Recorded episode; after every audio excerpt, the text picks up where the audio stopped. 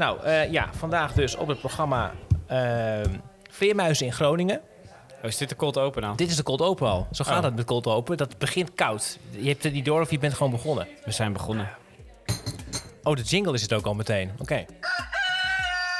De linkse mannen lossen het op. Ik denk dat het handig zou zijn als de oude situatie terugkomt. De linkse mannen lossen het Ik op. denk dat heel veel Groningers niet weten op wie ze moeten stemmen. Ik De linkse mannen lossen het op. En die zijn voor alle Groningers om hen te helpen. De linkse mannen lossen het op.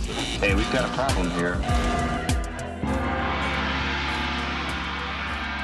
Ja, nou vanuit eh, Omni. Wat is dat eigenlijk, hè, Omni? Ja, Omni is een hele fijne lunch- en, en broodjestent en eh, koffietent in het hart van Groningen. Ja, ze steunen onze lokale helden. Ja, Eigenlijk wel. ik vind eigenlijk het De woord... boeren. Ja, oké. Zodra je het woord helden in een andere context gebruikt dan superhelden, vind ik het eh, sinds Siewert van Liene heel problematisch. Nou ja.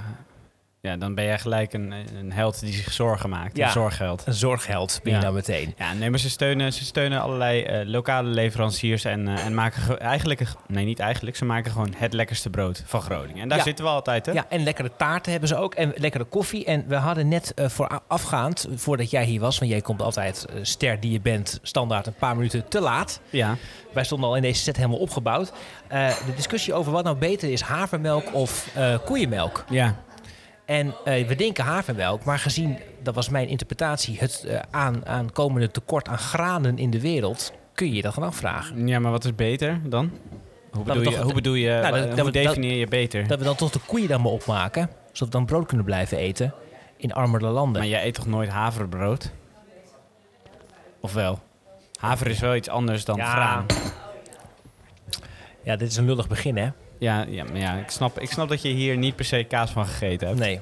Maar dat is niet heel erg. Nee, maar ja, ja, ja. Is, is, is plantaardig eten nou eigenlijk wel beter? Daar moeten we misschien een hele losse podcast een keer Ja. over hebben. Oké. Ik moet zeggen dat ik dan toch inderdaad niet helemaal thuis ben in deze materie. Nee, Ik ben eigenlijk een hele vieze consument. wel aardig, maar nog niet plantaardig. Nee. Nee, Nou, dat ben ik inderdaad. het is ja. niet anders. Het is niet anders. Ehm, ja, eh, vleermuizen gaan we het over hebben die kwijt zijn in Groningen. We gaan het over droogte hebben. Al doen we dat wel ten tijde van een moment dat het op dit moment in Groningen host. Ja, het kwam met, ik, ik zat net in de auto. Het Jij zat in kwam de met auto. bakken uit de lucht. Ik moest zachter rijden, omdat ik dacht, ik Je zie bent tegenwoordig een autorijder geworden. Eh, soms, ja. ja. Ja. Soms moet ik eh, bijvoorbeeld vanuit Groningen naar Warfum. En iemand uit de Randstad zou waarschijnlijk geen idee hebben wat voor afstand dat is die je dan af moet leggen. Nou, We- weet ik ook niet. Een half uur rijden. maar, en je kan er ook prima met de trein komen. Maar ja, ik was met de auto. Ja, en we gaan het hebben over Rutte, die ook speak, want we nemen dit op donderdagmiddag op. Normaal gesproken doen we dat op vrijdagochtend, die ene andere keer dat we dit deden. Maar Ja. nu op don is nu bezig Rutte om zijn eh, sms, eh, Zijn sms-gedrag te verklaren. te verklaren aan een eh, woedende en ziedende Tweede Kamer. ja. Eh, Ben jij wel eens in de... Dat klinkt een beetje als de babbelbox. Maar Ja. ben jij wel eens in de problemen gekomen door je sms'jes? Nooit. Nee? Je Nee. nooit, nooit bijvoorbeeld... Ja, ik heb dat op WhatsApp wel eens gehad. Dat je het screenshot over iemand stuurt naar iemand. Ja, net dus heb ik, een- dat is, heb ik een verkeerd eh, berichtje naar een verkeerde Jurgen gestuurd. Maar Maar dat de Jurgen. Maar dat is, het gaat om. Nee, ik heb dat nooit. Ik ben ook niet zo'n.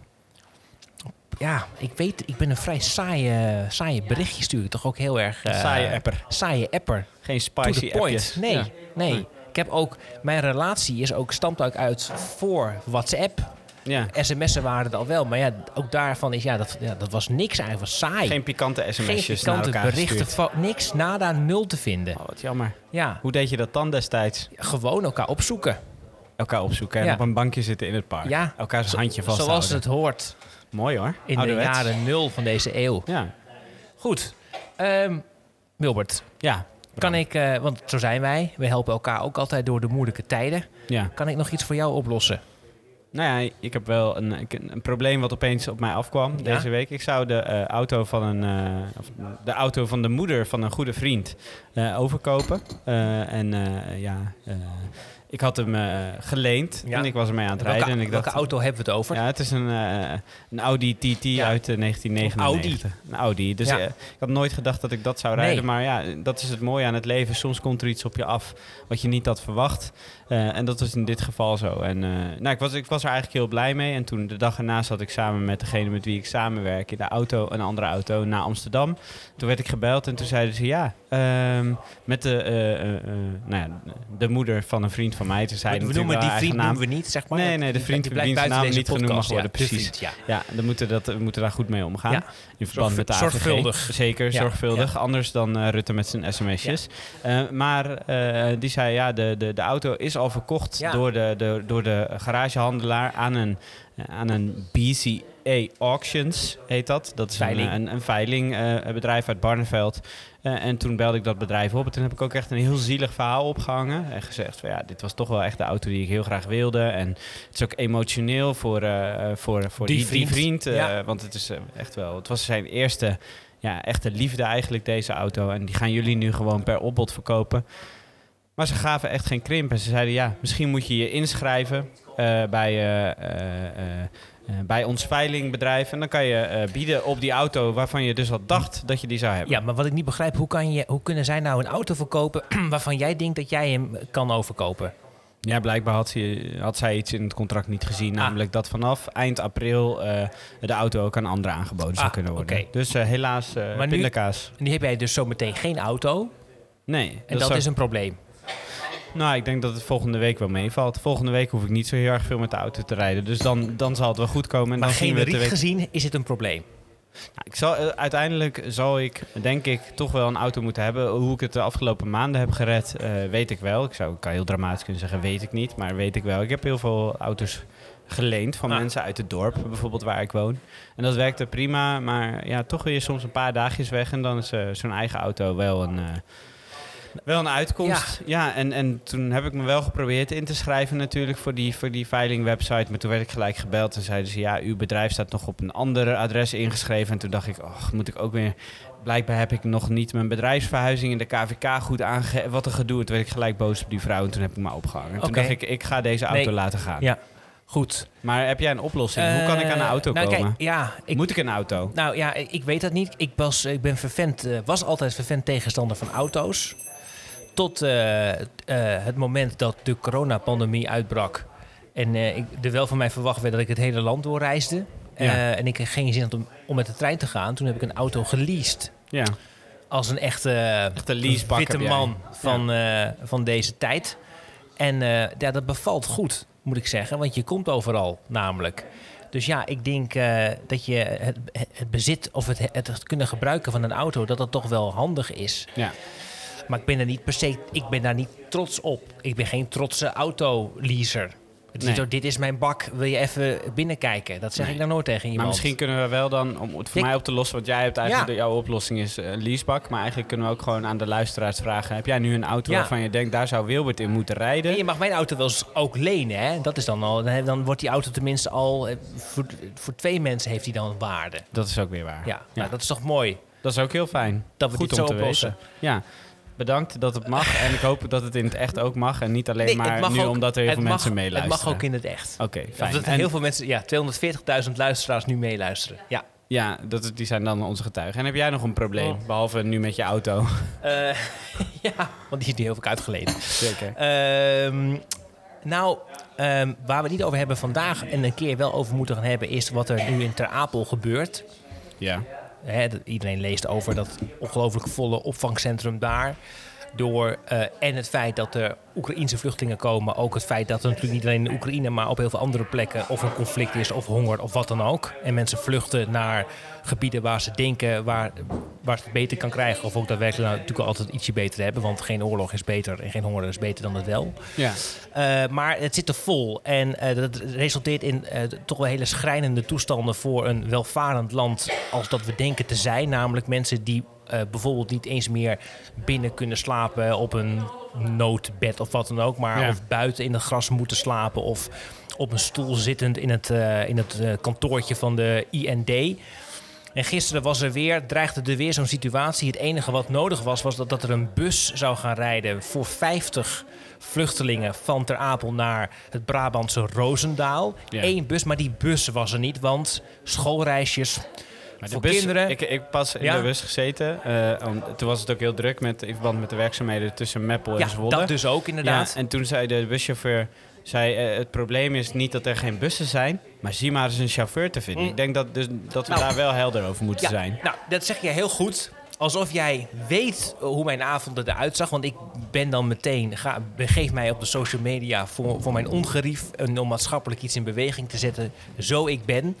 Eh, dus dat heb ik gedaan. En ik eh tweette de enige ja, ironische tweet over... God, dit is wel een historisch moment... dat werkelijk alle bussen in Nederland nu in gebruik zijn. Dat er geen één bus meer te vinden is... om 50 mensen naar Roosendaal te verplaatsen. En toen kreeg ik inderdaad allerlei actieve Twitter-buschauffeurs over me heen... die me precies dit uitlegden. Het is geen probleem van, het, van de bussen... Het is een probleem van een tekort aan buschauffeurs. Je moet het vergelijken met eh, de opvang van patiënten, coronapatiënten in ziekenhuizen. Het gaat niet om dat er te weinig IC-bedden zijn. Er is te weinig zorgpersoneel. Ja, en Dus in dit geval zo dus te weinig is- buspersoneel. Maar een oplossing was wel geweest om tegen die mensen die op dat moment aan het twitteren waren... eh, te zeggen, hey, kun- kunnen jullie dan niet die bus Nou, rijden? inderdaad, nou, dat of... eh, Dat is ook zoiets. Hè? Dus iedereen, ook in, de- hier in de gemeente Groningen, de hele lokale politiek wordt daar woedend om. En het eerste wat zij doen is net als ik twitteren. Ik Ja. vind dat ik dat, dat ik dat mag doen, want Ja. dat is mijn. Dat is ook wie ik ben. Maar als je toch eh, raadslid bent of je bent wethouder in Groningen, dan denk ik, doe iets. Je bent Leid, je, leid jezelf gewoon op tot buschauffeur. Ga, maar re- maar regel, je bent geen opiniemaker. Jij, jij moet het nu regelen. Regel dat er een bus is. Maar er is er daar, denk ik, ik weet niet, vanuit Roosendaal is er dus nog een bus naar Groningen, ter Apel toegestuurd. Die heeft die 50 mensen opgehaald en mee teruggenomen naar Roosendaal. Dus het is goed gekomen, maar niet op initiatief van hier en ook niet op initiatief van de Rijksoverheid, maar van hele lieve mensen in, eh, in Roosendaal. Eh, mijn probleem is, ja, eh, nou ja, te- ik weet niet, mijn probleem is denk ik dat we ja, dit soort, dat dit gewoon al aan de hand is. Dat, je, dat we niet voor elkaar krijgen om dit soort basiszaken in Nederland goed voor elkaar te krijgen. Dan is het eigenlijk helemaal niet zo'n heel gaaf land. Nee. Nee, nou ja, ik heb, de oplossing voor het probleem is, nou ja, ehm, minder rechtsbeleid, denk ik. Ja, punt. Punt. Ik zeg een jingle. Bumper. De linkse mannen lossen het op. Wij bespreken ook natuurlijk ook elke keer een, eh, een typisch eh, Gronings probleem eh, met een randstedeling. Ja, Eh, wellicht dat... eh, Randstedeling. hij- Randstedeling. Randstedeling is Gronings weer, Hij, denk hij, ik hij, zeggen. hij of zij, oh ja, hij gaat een beetje kraken de telefoon. Ja, het Ja. komt goed. Hij of zij het voor ons kan oplossen. Ja. Eh, wie, gaan, we- wie gaan bellen met Leonie Terveld? Wie is Ja. Leonie Terveld? Ik kende haar niet zo heel goed trouwens, maar ik Nee. ben nog geen Instagrammer. Nee, Leonie Terveld is een, eh, eh, een eh, eh, ja, eh, denk ik ook influencer. Eh, maar ze komt, en ze komt uit, eh, ehm, ze komt uit eh, Assen, maar ze woont tegenwoordig in de Randstad. Hey, met Leonie. Hallo, met eh, Wilbert en Bram spreek je. Hey, hallo. Hallo. Ehm, eh, Leonie, Bram die kent jou eigenlijk niet zo heel erg goed. De- hoe omschrijf jij Oh. tegenwoordig wat jij Het doet? is zwaar teleurgesteld. ja, dit ik je- gelijk al. Ja, ik zat er zelf ook een beetje over na te denken. Ik dacht, ik ben echt heel benieuwd hoe jullie mij gaan omschrijven. Want ik weet het zelf eigenlijk ook niet zo goed op dit moment. Want Nee. ik, ik, zeg maar, ik was natuurlijk blogger, foodblogger. En dat ben ik nog steeds wel. Maar ik ben nu vooral, voornamelijk een soort van huis aan het verbouwen. En eh, ja, dat Dus aan eigenlijk, heb het je een, Instagram. eigenlijk heb je gewoon een klusbedrijf. Maar je, Ja, hebt, maar je, hebt, je hebt heel veel volgers op Instagram. Dat zag ik wel. Echt superveel, hè? Ja, dat klopt, ja. Ja. En, en, hoe, hoe is dat nou? Dat- Dat lijkt mij echt verschrikkelijk. Nee, dat is helemaal niet verschrikkelijk. Dat is heel leuk. Maar zeg maar, tegelijkertijd weet je, voelt het ook niet zo heel gek of zo. Weet je wel, dat is eigenlijk... Is dat, ja, ik weet het niet. Is dat nou... Ja, ik weet niet. Dat, zeg maar, het is niet alsof je elke dag opstaat en geconfronteerd wordt met 42.000 mensen om, Nee. in je leven, weet je wel. Dus dat is eigenlijk heel anoniem. Nee, maar voel je niet... Dus- Ik zou dan de hele tijd zo'n verantwoordelijkheid voelen... dat ik dan ook van dit moment bijvoorbeeld weer een foto zou moeten gaan maken. Nee, helemaal niet. Nee, want dat zit gewoon in me dat ik dat doe. Dus zeg maar, ik deel gewoon wat ik, wat ik in mijn leven meemaak. Dat deel ik gewoon online. En toevallig wordt dat door heel veel mensen bekeken. Maar het is gewoon omdat het niet is alsof je zeg maar, een soort van foto naar voren haalt. En vijf, of het is het 20.000 mensen daarnaar zitten te kijken. Voelt het ook niet alsof ik dat helemaal de eter in aan het sturen ben naar heel veel mensen de hele tijd. Oké. Nee, precies. Nou. Maar eh, eh, daar bellen we je niet Nee, over. zeker niet. Waar we je wel over bellen is... eh, eh, ehm, nou, wij bellen elke, elke keer als we deze podcast opnemen... we bellen we met iemand Mhm. uit de Randstad om, om nog eens even te reflecteren op een Gronings probleem. Want ja, wij kunnen het hier in het noorden natuurlijk niet alleen. Ehm, Mhm. En we dachten, we leggen jou even een, een typisch Gronings eh, eh, probleem voor. En ik denk dat, dat Bram nu iets gaat zeggen over dit probleem. Of gaan we Nee, eerst we, even we gaan quizzen? quizzen. We gaan gewoon eh, quizzen. Daar past ook een hele leuke... even kijken. Quiz jingle Oh, bij. daar komt hij. Komt-ie. Ja. Ja, nou dan gaan we nu eh, eh, naar de quiz. Er zijn 70 eh, dieren kwijt eh, in Groningen, Leonie. Heb jij ook maar Mhm. enig idee om welke dieren dat gaat? Zeker heb ik enig idee, want ik heb een nieuwsbericht voorbij zien komen. Ja. Oh, en het antwoord Oh. is... Vleermuizen. Dat is goed. Oh, ja, klopt goed. helemaal, inderdaad. Vleermuizen. Eh, en zijn, dat, eh, zijn die vleermuizen, is, is dat een beschermde diersoort? Ja, volgens mij zijn vleermuizen een beschermde diersoort, ja. Volgens mij is het ook. Oh, Ja, dat is de jingle van dat het goed is, maar het is ook fout. Maar het- niet, alle, niet alle vleermuizen zijn beschermde diersoort. Eh, eh, deze Oh, vleermuizen wel, Ja. Eh, want dit is de meervleermuis. Niet de minder vleermuis, maar de Wilt u meervleermuis. meer of minder Ja, vleermuizen? en dan in dit geval meer, Meer vleermuizen. vleermuizen, ja. Ja. Ehm, en eh, ehm, eh, waar eh, eh, hebben deze dieren hun thuisbasis? Is de laatste vraag die ik je wil stellen. Ja, eh, in Groningen denk ik. Ja, dat moet klopt, iets maar iets specifieker. specifieker. Ja. Ja. Oh, met iets specifieker. Ehm, nou, dat zal wel in een, eh, in een gebouw zijn of zo, wat gesloopt moet worden of zo. Um, ja, dat is eh, inderdaad goed, goed. Ja. dat ze, ze hebben hun, hun thuisbasis in een flat in Selwer. Toch Ja. Bram? Vertel Ja. ons. Ja, dat is, die, die, deze meervleermuis eh, die verbleven met een kolonie van 140 in een eh, eh, flat in Selwert. Eh, En in één keer waren er 70 kwijt. En die zijn tot op de dag van vandaag niet teruggevonden. Meen je? Ja, dus we bellen jou, zeg maar, want wij kunnen dat in Groningen eigenlijk niet oplossen. Eh, Leonie, eh, het antwoord mag niet zijn, dan doen we ze maar op de barbecue. Eh, eh, wat zou je me zeggen? Zie ze maar te vinden eerst. Toch? als, als foodblogger. Eh, maar maar, maar hoe, ja, wat moeten we doen om die vleermuizen terug te vinden? Nou, nou, weet je toevallig, weet je wat ik vroeger altijd deed? Dan ging ik altijd in een veld staan en dan ging ik van die balletjes omhoog gooien. Van die soort van, eh, ja, balletjes. En dan kwamen er allemaal vleermuizen pas. Maar wat voor Ik balletjes? denk eerlijk gezegd dat dat gewoon een oplossing is. Dat elke Groninger gewoon dat gaat doen. Dan, eh, dan komen er vanzelf vleermuizen pas. Zou Dus je maar denken. maar om, wat, om wat voor balletjes gaat dat? Ja, ik deed dat het gewoon zo'n... Ja, dat deed ik altijd op de camping. Maar dat was gewoon zo'n soort van neonballetje. Maar volgens mij maakt het geen reet uit. Want die beesten die gaan toch af op die... Hoe noem je dat ook weer? Wat hebben ze ook weer? Een soort van... Sonar of zo. Sonar. Sonar, ja. God, dat wordt ik lang niet. Dat is ook weer goed. Het woord Ja, sonar. dus, het- dus ik denk niet dat het balletje veel uitmaakt. Dus, maar gewoon iets in de lucht gooien en dan komen ze erop af. Misschien werkt het wel. Maar het kan dus Maar ook... het lijkt wel eh, heftig eerlijk gezegd. Als je dan meteen 70 vleermuizen op je, af, op je afkomen. Lijkt me wel een beetje spannend. Ja, en wat wij hebben, wij hebben het eigenlijk het, bedoel je, jij weet alles over, over verbouwen en over slopen. En Ja, wij hebben het ja. idee dat het hier gaat om een, een afrekening in het bouwcircuit. Eh, want als er een beschermd diersoort ergens zit, ja, dan mag je Ja. gebouw natuurlijk niet zomaar afbreken. Eh, eh, dus, dus heb jij, als, als jij dit nieuwsbericht zo hoort, heb je dan ook het idee dat hier iets niet helemaal aan de haak is? Ja, dat die beesten opeens verdwenen zijn. Ja, dat is wel een beetje apart natuurlijk.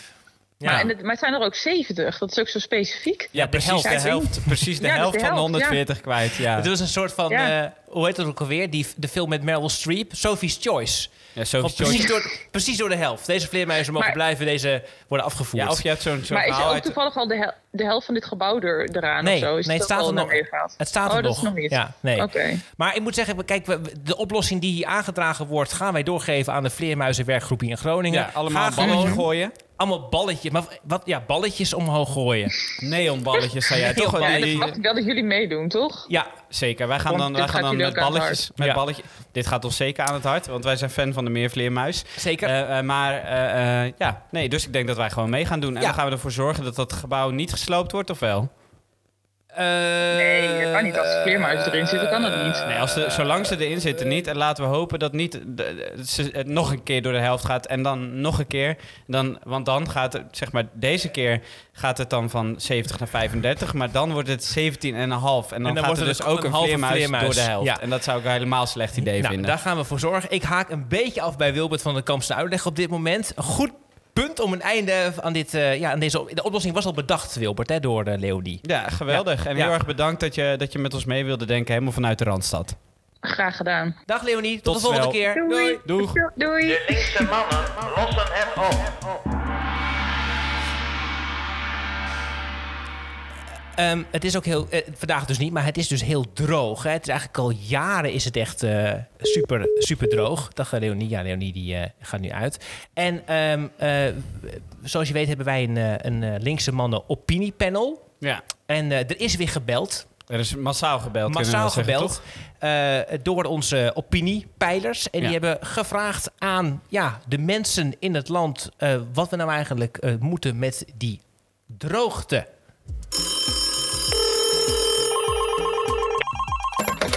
Met Mandy Schonewell. Hallo, met Gea. Ja, zegt u maar. Nou belt u mij op. U wilt wat weten over de droogte uitgerekend. Ik vind het eerlijk gezegd, vind ik het op dit moment nog heel lekker. Van de week, meneer, hoor ik dat hier in Groningen zijn er onlangs 70 vleermuizen verdwenen.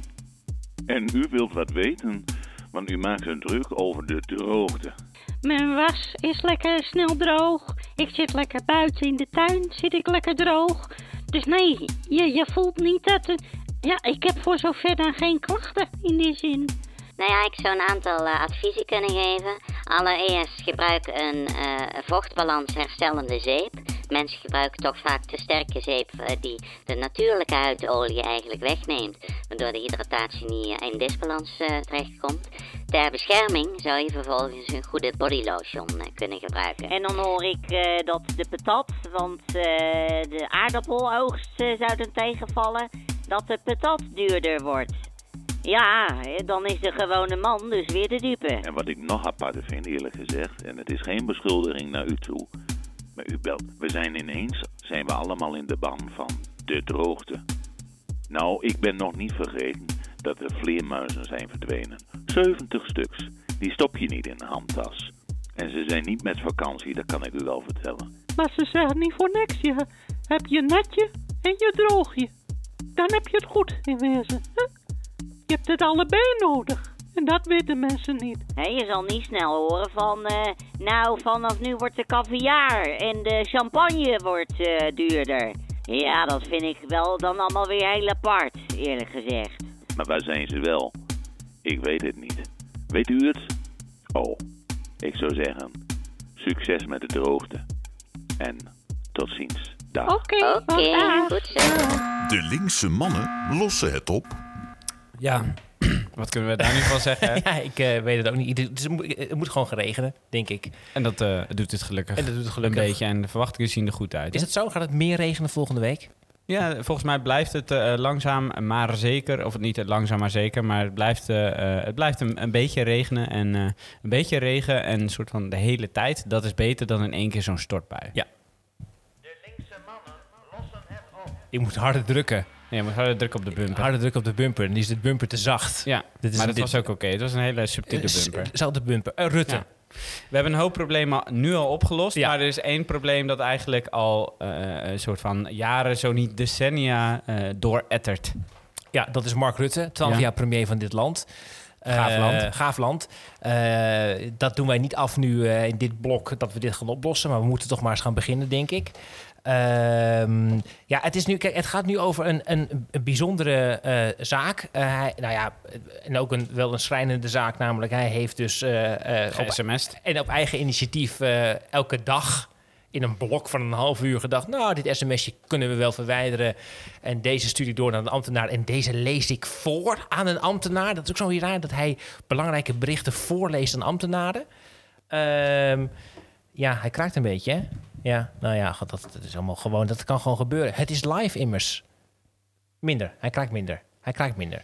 Ehm, maar wat moet, hij zit nu in de Kamer, zit hij zichzelf te verdedigen op dit moment. Eh, het is weer, maar weer eens een veel debat. Maar hij heeft nu een soort van houding aangenomen, Wilbert...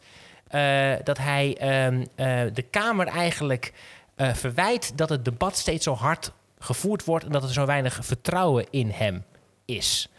Hij heeft nu zelfs gezegd dat als er geen vertrouwen meer is... dan gaat hij wel wat anders doen. Wat ik Nou, een vrij beloftevolle opmerking vind. Ja. Ehm, ik dacht, ja, we moeten toch eens over gaan praten. En ik, ik dacht zo, wie kunnen wij gaan bellen deze week? Eh, eh, ik ga, we gaan eens bellen eerst met eh, Sander van der Kraan. Ja. Ik moet toch even mijn telefoon weer pakken, Alexander. Dat vind je niet erg, hè? We gaan bellen met Sander van der Kraan. Sander van der Kraan is een van de oprichters en actievoerders van het woonprotest. En Hij heeft nog in mijn huis gelogeerd. Hij heeft in- woonprotest Kijk eens aan. Heel goed. En een fel eh twitteraar. En hij heeft nou zo vandaag volgens mij eh zo meteen iets nog met eh Wilbert van der Kamp. Hij moet even ietsje harder, denk ik. eh. ja, goed zo. Mooi zo. Hi, met Sander. Sander, Bram, Bram Douwens, linkse mannen. Goedemiddag. Hi, goedemiddag. Tegenover mij zit Wilbert van der Kamp. Die ken je ook, hè? Die ken ik. Ja, je hebt bij hem, je hebt bij hem gelogeerd, hoorde ik net. Ja, dat klopt, ja. Tijdens Ja, het eh, organiseren van het woonprotest. Ja, en eh, misschien is het goed om... de- we gaan zo e- je over Rutte praten, maar je hebt zo meteen eh, nog iets... dat heeft te maken met, eh, met die, onze andere vriend, Hugo de Jonge, toch? Ja, klopt. Ik ben om vijf uur live op Nieuws Co. Ehm, en dat gaat over dat nieuwe programma Betaalbaar Wonen. Heet het, Ja, ja. Ehm, en wat de reactie van de protestbeweging daarop is. Nou, en wat kun je, kun je eh, spoileren? Wat is, want het gaat over dat ook middeninkomens moeten worden geholpen bij het, ja, kunnen wonen in een huis. Hè? Daar komt het eigenlijk op neer. Ja, dus het gaat heel erg over eh, middeninkomens inderdaad. Ehm, het woord dak eh, of thuisloosheid komt er niet vooralsnog, eh voor zover ik gezien heb, nog niet in voor. Ehm, dus het is echt de focus die, die ligt op, op middeninkomens en op eigenlijk het reguleren van die, die, die huren die nou ja, net boven de sociale huurgrens vallen. Ja. Ehm, wat, wat ons betreft wel goed is. Een kleine stap eh, de juiste richting op. Maar eh, ja, het mist gewoon nog dat hele fundamentele andere aanpak, zeg maar. eh, die, zich, die zich focust op grootschalige volkshuisvesting. Die ehm, de, de, de, de crisis aanpakt waar die het ergst is. Dus bij de, bij de hele lage inkomens en bij de eh, dak- en thuisloze mensen. Ja, Dat en er eh, een beetje dat, dat pappen en nat houden, is dat, is dat typisch voor wat jij als, eh, nou ja, ook wel kan ik zeggen, activist de laatste eh, jaren dat, je- eh, dat je je er tegenaan bemoeit vooral ziet? Of, of heb je het ook het idee dat er af en toe al wel fundamenteler wordt gekeken? Ik hoor je niet heel goed. Ik hoorde iets over pap en, en nat houden, Ja. of dat typisch is voor de, de aanpak. Juist, Zeker. dat was exact de vraag.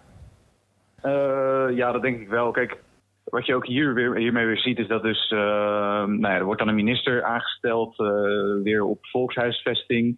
En eh, die neemt dan in een heel, een heel groot deel de, taal over van een protestbeweging over recht op huisvesting, over, over, over het recht op wonen en, en, en de volkshuisvesting en dergelijke. En die maakt daar dan een, een, ja, een aanpak van die in heel groot, een, voor een heel groot gedeelte niet eens eh afdwingbaar is, die niet verplicht is. Eh, gebruikt hele grote termen daarbij. En eh, nou, dat, dat is dan wel even voldoende voor nu. En dan, en dan pacificeert het weer even voor een tijdje en dan, that's it. Dat, ja, dat is wel typisch. Dat telkens, dat zie je bij iedere politieke crisis. Het is gewoon management in plaats van visie. Ehm, dus de, ik de, denk dat de, het de, inderdaad wel de, grootste typerend is, ja. manager, de grootste manager die is, eh, die is nu weer aan het woord, hè? De, de, de chef van de zaak, eh, Mark Rutte. Ja. Over het sms-gedrag. We kunnen dat uitventen. Eh, natuurlijk. Het gaat volgens mij veel meer over. Jij bent een, jij bent een groot actievoerder. Hè? Jij bent, jij, ook als twitteraar ben jij fel. Jij ziet nu weer. Rutte in de Kamer debatteren. Wat vind je hier nou van? Ja, ik ben eh, al een heer, zeg maar, ik, hoe, hoe ik er naar kijk is dat het sinds dat eh, die nacht van Rutte, dat was dat, dat debat in april vorig jaar. Ja, dat we echt dachten Ehm, dat die weg zou gaan, ja, hè? ja. Ja, ja. eh, ik, ik denk dat dat ook echt een soort van tipping point is geweest van oké, nu kunnen we echt alles maken. Nu kunnen we echt overal mee wegkomen. En dat zag je ook eh, tijdens eh, de, die crisis rondom Hugo de Jonge laat. Dat er eh, nou ja, heel veel eh, belastend eh, materiaal over hem is. En dat, dat er echt een, een scherp debat te wachten staat. en, en een scherp deba- debat te wachten staat.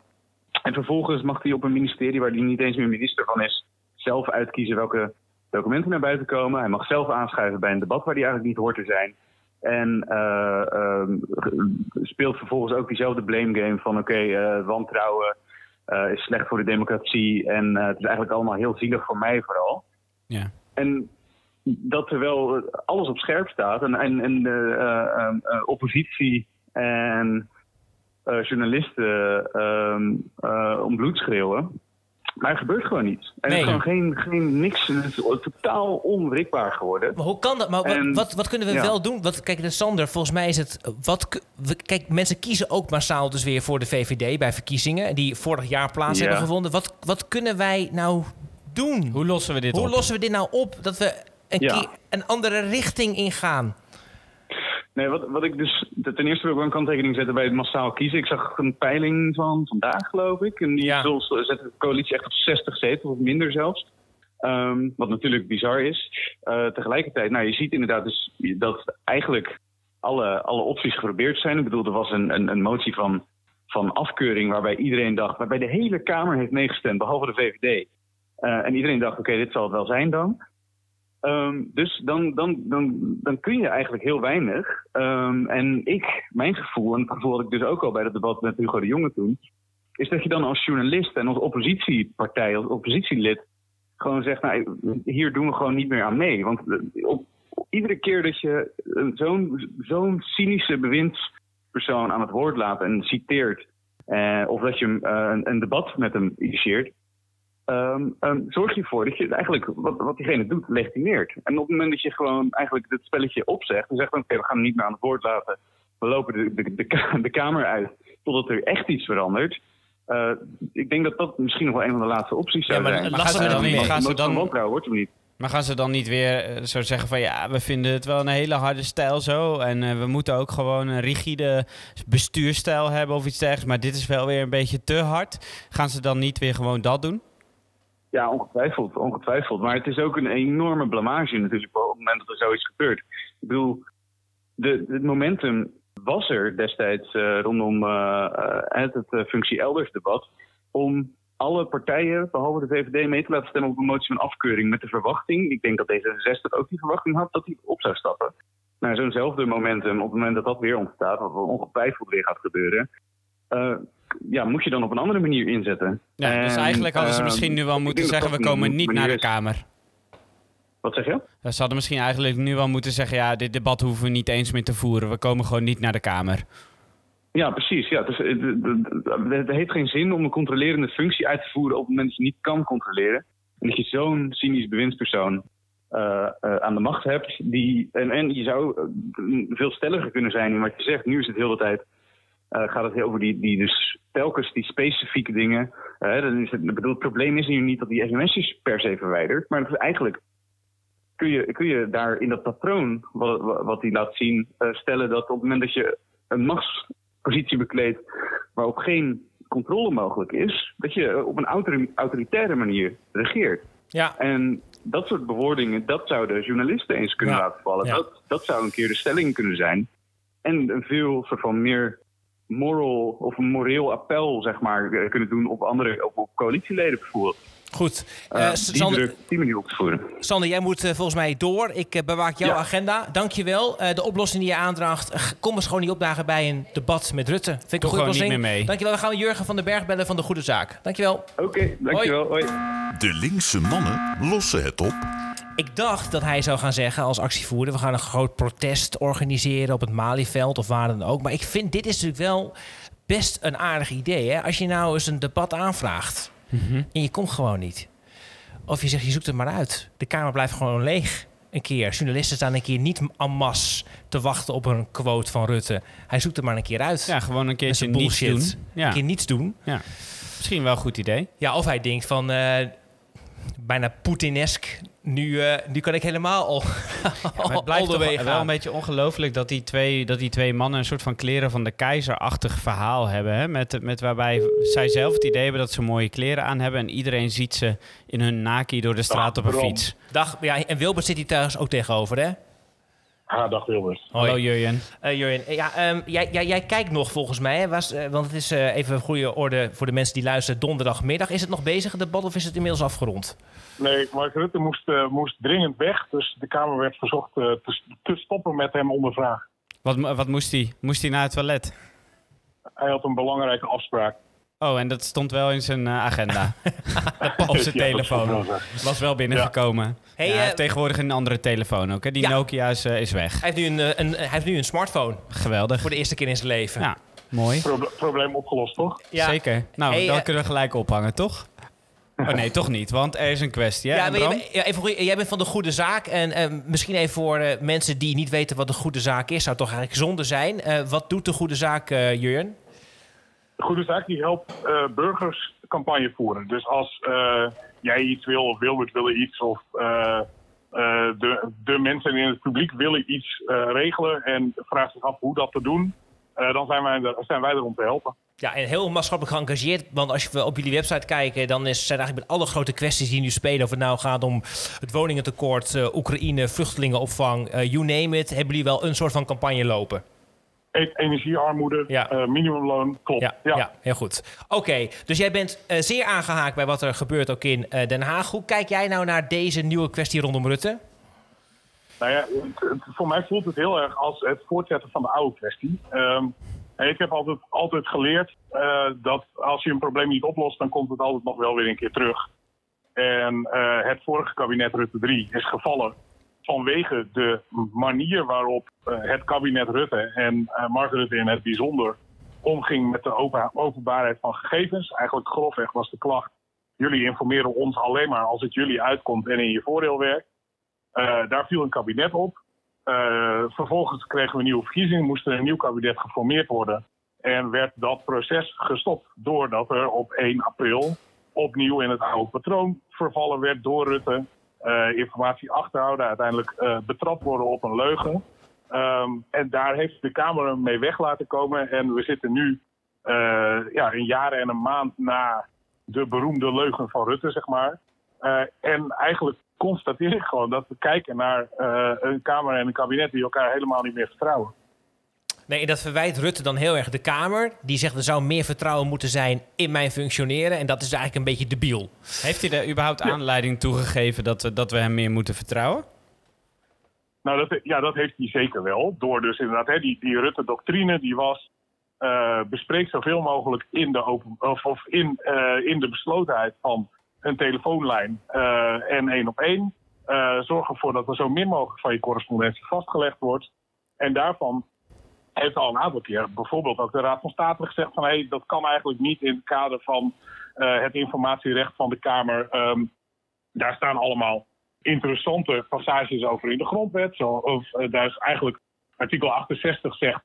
je moet over alles openheid geven... behalve dingen die rechtstreeks het belang van de staat raken. En Rutte is de verpersoonlijking van een politieke cultuur... die vervolgens daarop reageert door zoveel mogelijk dan maar niet traceerbaar te zijn. En er zijn inmiddels ook om hem heen zoveel Rutte-adepten, ook op alle ministeries, waarin je merkt dat de gewoonte steeds meer wordt van nou, laten we het nou maar niet via de mail of via de sms doen, want dan kan straks de Kamer meelezen. Eh, en daarmee heeft Rutte en zijn kabinet en zijn ambtelijke staf zo langzamerhand echt wel de, eh, eh, ons als burgers en als het verlengstuk van onze Tweede Kamer de aanleiding gegeven eh, om niet meer zomaar te vertrouwen wat er daar gebeurt. Nee, maar, mijn, maar mijn vraag was ook vooral: eh, ehm, heeft hij op, ook op enige manier aanleiding gegeven dat we hem wel zouden moeten vertrouwen de afgelopen tijd? Eh, dat, dat vind ik dus niet. Eh, Nee. hè, het- ik vind, vind het allemaal razend interessant als een premier gaat vertellen eh, dat hij eh, heel goed in kan schatten wat wel en niet relevant is voor, eh, het- voor, voor de Kamer om te volgen. En hè, het- het- we, hoeven, we hoeven dit debat niet te laten gaan over eh, of Rutte goed in staat is om dat in te schatten. Maar hij heeft een waarschuwing gekregen. Dat was de val van zijn kabinet. Vervolgens is er echt gezegd door de Tweede Kamer: geef ons nou aanleiding om je wel te kunnen vertrouwen. En hij volhardt gewoon in die methode. En dus is het antwoord nee. Nee. Eh, ja, en, en nu dan, hè? Want eh, er komt waarschijnlijk, nou, misschien komt er een motie van afkeuring. Misschien komt er stiekem nog een motie van wantrouwen, maar dat zal nooit voldoende gesteund worden. Dus Rutte zal ook morgen vroeg gewoon nog premier van Nederland zijn. Eh, dus we staan er eigenlijk slechter voor, zou je kunnen zeggen, dan een jaar geleden. Want de- deze premier die, die, ja, die, die heeft steeds meer het gevoel dat hij eigenlijk overal maar mee wegkomt. Hij weet niet van ophouden. Hij weet niet van ophouden, maar we moeten toch ervoor zorgen dat dit een keer gaat draaien. Hoe doen we dat? Nou ja, eh, kijk, het grappige, grappige is, dus ik blijf zelf de hele tijd haken op die 1 april van vorig jaar. Eh, dat was eigenlijk het moment waarop eh, het onomstotelijk vast kwam te staan. De premier heeft gelogen. Ehm, en toen zei Sigrid Kaag, hier scheiden onze wegen. Zeker. Nou, dat, dat, blijkt, dat blijkt in de praktijk. Eh, nu gaan we samen een kabinet vormen. Ehm, eh, daar is het wel misgegaan. Want eh, eh, er volgde geen sorry. Daarna zou, de, zou Rutte in Nieuwsuur nog vertellen... eh, over zijn radicale ideeën voor een nieuwe bestuurscultuur. Nou, Oh ja, ja. dat, dat interview heb ik nog een paar keer her, herkeken. En ik zie ze zie echt niet wat er dan gaat gebeuren. Hij kwam met iets als een ombudsman, maar dan niet de ombudsman, eh, want die bestond al. Ehm, en ja, we zitten dus nu met, met de situatie dat er, uh, Rut zit in een kabinet met iemand die een nieuwe bestuurscultuur beloofde, uh, met uh, een partij, het CDA, die gigantisch verloren heeft en eigenlijk uh, ja, geen kant op kan behalve hopen dat deze storm overwaait. En een Mhm. ChristenUnie, waarvan nu de achterban inmiddels al voor de helft zegt: we hebben geen vertrouwen meer Mhm. in dit kabinet, die in het begin van die leugenaffaire van Rutte eigenlijk ook zei van ja, je moet echt heel ander gedrag betonen. En het gebeurt niet. Uh, die coalitiegenoten die krijgen het niet voor elkaar om door te bijten. De Tweede Kamer, uh, wat ze ook proberen, lukt het ook niet echt om echt de vinger op de zere plek te zetten. Dus ik blijf nog steeds concluderen. Het grote probleem is Rutte zelf. Uh, en of we moeten als samenleving met z'n allen uh, echt een tegenmacht tegen Rutte, te tegen Rutte organiseren. Of er verandert niks. Nee, en, en we hadden net Sander van der Kraan aan de telefoon en die zei eigenlijk, ja, intussen zie ik niet eens een protest meer werken. Wat, wat, het enige wat misschien goed zou zijn, is als gewoon de hele Kamer niet meer meedoet. Dus bijvoorbeeld bij een uh, debat zoals vandaag gewoon niet, niet op was komen dagen. Of journalisten gewoon zeggen, we staken het stellen van onze vragen aan jou. Uh, want blijkbaar uh, is, ben je toch nooit eerlijk. Zo'n soort van ja. cordon sanitair eigenlijk om Rutte heen. zie je dat ook als een optie? Of is dat niet echt democratisch? Nou ja, het grappige is, precies dit gevoel had ik net in het debat. Want het, het debat eindigt net met uh, Jesse Klaver, die nog een keer aan de premier vraagt: hey, je beroep je nou op. Uh, je, zegt, je zegt dat je ons geen informatie gaat geven. Dat moet je wel volgens de grondwet. Waarom geef je ons geen informatie? En dan zegt Rutte: dat doe ik niet. Dan zegt Klaver nog een keer: er is maar één reden waarom je ons geen informatie kan geven. Dat is op basis van het artikel 68 uh, van de grondwet dan zou het belang van de staat in het geding zijn. Zeg je nou dat het belang van de staat in het geding is? En dan zegt Rutte, dat doe ik niet. Um, vervolgens maakt dus uh, Klaver een punt van orde naar de voorzitter. Die zegt, nou ja, ik vraag, stel je toch een vraag aan de premier, daar moet toch een antwoord op, op komen. En dat was echt het moment waarop ik dacht, kappen we maar mee. Schors het debat, zegt het debat is nog niet afgelopen, wij lopen weg. Je komt maar weer terug als je een antwoord hebt op deze vraag. Ja. Maar het interessante is, ook dat is al een paar keer geprobeerd. Dus je komt inderdaad bijna op het punt uh, dat, je, uh, dat je expliciet moet aangeven, wij debatteren niet meer met je. Alleen het hele, hele ding is natuurlijk, uh, deze, deze meneer is zelf premier. Ja, ja, nee. Ja, oké. Okay. God, nou. Ja, maar, we zitten eraan vast, ja. denk ik, is de conclusie. Dit is onop, ja, behalve stem toch mensen een keer niet op de VVD. Hou daar toch een keer mee op, mensen. Ja. Stelletje rare mensen. Ja, dat sowieso. Ja. Maar en, en, en ik vind het toch wel interessant hoor. Het lijkt me toch echt wel interessant als gewoon een keer een hele hoop mensen in ieder geval zeggen: wij praten niet meer met jou zodra jij Ja. aan het woord bent uh, en niet reageert op Maar die onze vragen, bubbel, dan gaan kijk, we gewoon weg. Kijk, ik sta ook in Jur, Jurjen natuurlijk ook wel. Ik heb ook in die bubbel gestaan van bijvoorbeeld van de journalisten in Den Haag. Da- dan spelen ook weer, he- ook weer hele andere eigen narcistische belangen spelen een rol. Dus het hele, eh, er, zit is, er is iets verrot in het systeem. En, eh, en Rutte is daar eh, ja, de hoofdofficier eigenlijk van. Eh, en dat haal, je, ja, dat haal je niet zomaar weg daar, denk ik. Nee, dat, dat haal je niet zomaar weg. Maar wat mij wel opviel, Bram, ik weet, weet, niet, weet niet of jij dat ook zag, is dat hè, de, de, de klassieke, uh, nee, zeg maar de fetistrippers van de macht, die waren toch ook wel echt een beetje, uh, toen, toen dit optrad, waren die toch ook echt wel een beetje klaar met het nog rationeel verantwoorden wat er aan de hand is. Ja. Dus misschien, hè, nog, nog een ander gevoel dat ik had, was Anita Witsier gisteren bij Galit en Sophie zegt deze premier liegt eh, of, of, of staat op leugen op leugen. En iedereen zit daar en die zegt, ja, je hebt eigenlijk wel een punt, Anita Witsier. Dan is wel een beetje de, de dan is toch Ja. wel een beetje de, de lucht uit de geloofwaardigheid van Ja. zo'n kabinet. En, Ik, ja, Anita eh, Witsier moet ja. ons gaan redden eigenlijk. Zij moet, als, zij, als zij op de barricade staat, dan, dan, dan lopen wij erachteraan. Als zij al op de barricade Als staat, zij al op dan, de barricade staat, dan ja. staat Ja. eigenlijk binnenkort wel iedereen op de Ja. barricade en dan is En het einde van Rutte nabij. Petitietje, eh Jurjen. Dus die tijd om, om, hier, eh, ook, om hier toch weer campagne over te gaan voeren. Samen met Sander. Dit is toch een moment Ja. om, om een volksopstand eh, te gaan genereren.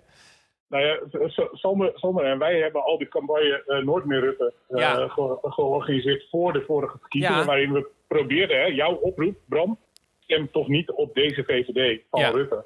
Eh, om die vorm te geven, met als argument dat, dat deze cultuuromslag er niet uitkomt. Wat ik nu zie gebeuren, is dat ChristenUnie-leden dus echt lopen te stijgen. Dus we hebben afgelopen komende zaterdag hebben zij een congres. Dat gaat ook over, kun je nog geloofwaardig met deze, met deze premier in een kabinet gaan zitten. Ehm, datzelfde zou bij die D66'ers, die dus zetels aan het inleveren zijn bij de Vleet, die nu een stukje van hun klimaatfonds moeten, moeten inleveren terwijl ze in dat kabinet zitten eh, met Rutte, die niks waar kunnen maken van die nieuwe bestuurscultuur. Het moet uiteindelijk, maar, voor de, voor de korte termijn, moet het er niet uitkomen dat mensen die al eerder gezegd hebben: ik ben hier klaar mee, waar ik dus ook bij hoor. Eh, dat die dat nog een keer zeggen, maar we moeten. daarom is Anita, kom ik toch weer terug bij Anita Witsier.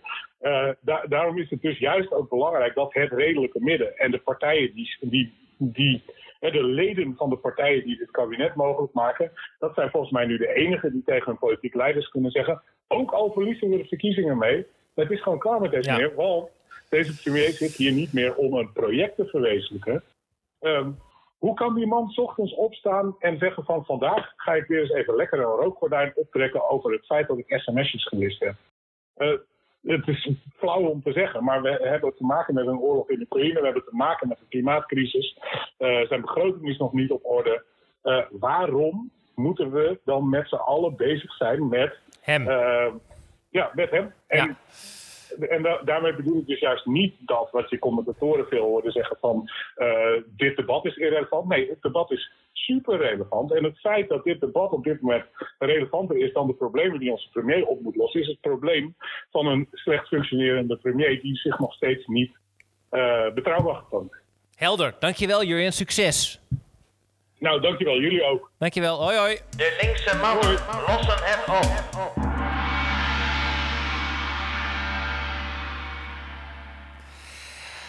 Dus, Wat een oplossing. Volgt alle Anita Witsier. Ja, dat is iets wat ik overhoud. Volg alle Anita Witsier. En eh, eh, toch een keer... eh, nou, weet je wat? Over dat mensen laten liggen, dat, is, dat lukt dus wel heel goed bij bijvoorbeeld Forum voor Democratie. Het is niet te vergelijken met natuurlijk eh, onze premier qua wie hij is en de status in het land, dat begrijp ik wel. Maar daar is toch een soort van afspraak gekomen, ook onder journalisten en ook onder Kamerleden. We laten het gewoon voor wat het is. En je ziet dat dat werkt. Ja, maar we gaan daar dus nu niet over hebben, anders gaan we het weer daarover Zeker, hebben. maar ik wil het voorbeeld. Het is niet zeg maar de, de methode Het werkt. wel. Het kan wel. En het punt volgens mij dat leden zich moeten eh, uitspreken eh, eh, tegen. Eh, tegen Rutte van partijen die in de coalitie zitten bij de VVD. Ja, dat lijkt me een goede eerste stap. En de ChristenUnie is in die zin een interessante partij, want die zijn al heel kritisch. En als die op zaterdag nu gaan zeggen bij het congres: we willen dit niet meer, dan eh, wie weet. Ik ken een heel aantal hele mondige mensen die daarbij zitten die er een groot probleem van gaan maken. Tot slot, Wilbert. Eh, wat een leuke uitzending moet ik zeggen. Veel geleerd. Heb je veel geleerd? Ik heb veel geleerd. Wat ben je ook dom? Nee, Wat is dit nou fijn. voor- wat is- dit nou Ik weer? heb ook veel dit is geleerd, een compliment Bram. aan onze gasten, is Ja, dit, ja, hè? ja. Oh, sorry. Ja, ja. Nee, we Ah, hebben veel geleerd. We hebben veel geleerd. Ja. Eh, we moeten nog de boosaardige man van deze week kiezen. Ja. Eh Rutte is makkelijk om te kiezen, denk ik. Dat moeten we denk ik niet doen. Nee. Wie heb jij een... eh, zit je toch richting Rutte te denken? Nou ja, eigenlijk kan je er niet omheen, maar ik vind dat we, dat we hem niet die eer moeten geven. Nee, dat, misschien. Om maar te beginnen met wat Sander van der Kraan ons heeft geleerd. Ja, dus, ik, dus we, we gaan hem zeker niet Nee. die eer geven. Maar wie dan wel, Bram? Ja, ik moet zeggen... Er viel mij niet iemand op deze week eh, die nou bijzonder boosaardig was. Weinig boosaardige witte Ja, mannen in het nieuws. Ja, ik denk het. Of ik heb me dan toch weer heel erg gefixeerd op Mark Rutte. Boosaardige witte mensen dan? Ja. Nee. Nou, dan deze, niet deze, rubriek verdient nog enige verdieping. Daar moeten we wat langer over nadenken. Moeten we wat langer over nadenken. Ja, het komt er toch een beetje als een soort van... eh, Nou, dan ben jij het. ben ik de Ja. met, de, man- dat, Ja. met liefde? Ja. Zullen we dat toch gaan Doe doen? Of Ja. jezelf maar op. Ja, of nee, de garagehouder. Die, dat- mijn, dat die, dat mijn, die, die mijn auto heeft verkocht. Hoe heet het bedrijf ook alweer? Nee, ga ik niet zeggen. Oké. Dat is de boosaardige man van deze, van deze week. Ehm, dank jullie wel voor het luisteren. Ja. En, Leuk dat je eh, weer luisterde. ja. En eh, houd moed. En eh, moedig voorwaarts en tot over twee weken. Tot over twee weken. De linkse mannen lossen het op.